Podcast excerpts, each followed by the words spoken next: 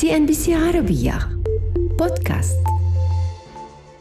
تشهد العملات المشفرة وعلى رأسها البيتكوين اهتماما واضحا من قبل شرائح مختلفة من المستثمرين خصوصا أنها ما تزال تتمسك بنظرية أنها جاءت بمفهوم جديد من ناحية أنها غير مراقبة وأن فكرة إنشائها فريدة ولم تتم تجربتها من قبل.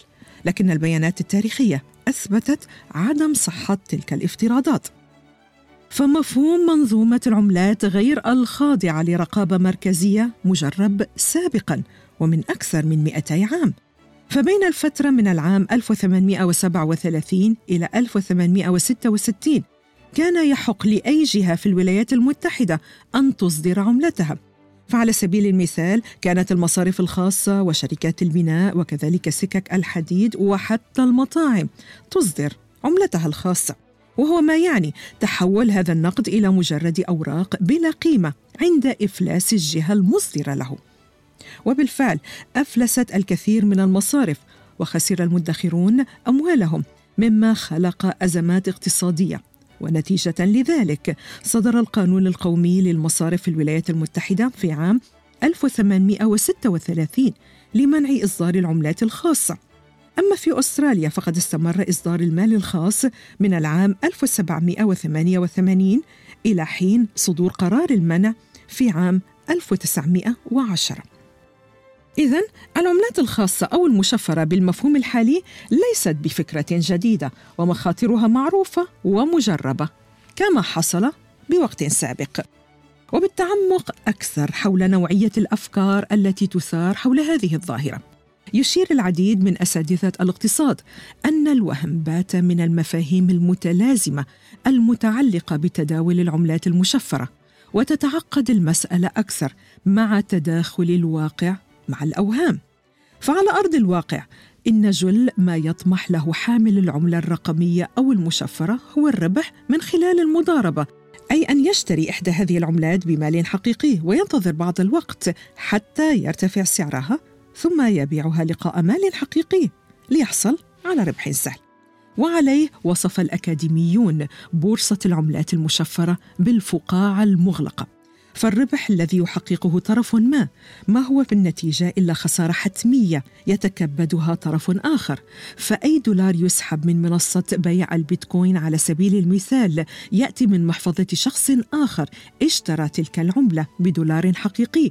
أي أن تحقيق أي ربح مالي نتيجة ارتفاع العملة سببها دخول شخص آخر إلى الفقاعه لكن قد يطرح السؤال التالي بأن هذا السيناريو يتكرر بأي بورصة. وللإجابة عن ذلك علينا الإقرار أن البورصات تدخل فعلا بفقاعات وهذا ما حصل في العام 2008 وتسبب بانهيار الاقتصاد العالمي.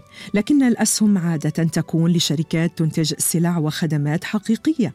وبعد العام 2008 ونتيجة الفقاعات اتجهت الدول إلى تقنين عمل المصارف الخاصة أكثر وفصلت المصارف الاستثمارية عن التجارية. لكن العملات المشفرة لا تحمل سلعة حقيقية مقابلها ويكفي أن تفلس منصه خاصه بها لتتبخر أموال المستثمرين. وبإطار متصل وفي القرنين الثامن عشر والتاسع عشر كانت العملات مرتبطة بسعر المعادن وأبرزها الذهب.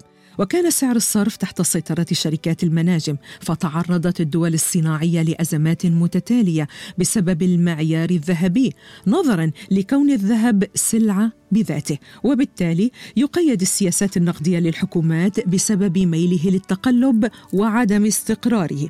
عندها تحولت المصارف المركزية إلى مصارف حكومية لإدارة النقد وتوظيفه في خدمة الاقتصاد. وعليه تعتبر الكثير من المؤسسات المالية الكبرى أن الإدارة المركزية للنقد هي حاجة للاقتصاد في كل دولة وهذا ما نلاحظه من خلال التنسيق العالي والعالمي بين جميع المصارف. يشير الاقتصادي يانيس فاروفاكس الذي شغل منصب وزير المالية اليوناني سابقا. بحال حلت البيتكوين مثلا مكان العملات الرقمية. سوف تلجأ المصارف إلى الإقراض بالعملات الرقمية. وهذا يعني تراكم تسهيلات السحب على المكشوف التي تسمح للمقترضين بشراء السلع والخدمات بعملات غير موجودة أساسا. وفي الأوقات الحرجة سوف تصدر الحكومات والمصارف المزيد من هذه الوحدات الرقمية كما فعلت في خلال فترة الحربين العالميتين. عندما كان المعيار الذهبي سائدا وسوف تؤدي هذه السيولة إلى فترة ازدهار مؤقتة قبل أن يأتي الانهيار حتما. انتهى الاقتباس. سي إن بي سي عربية. بودكاست.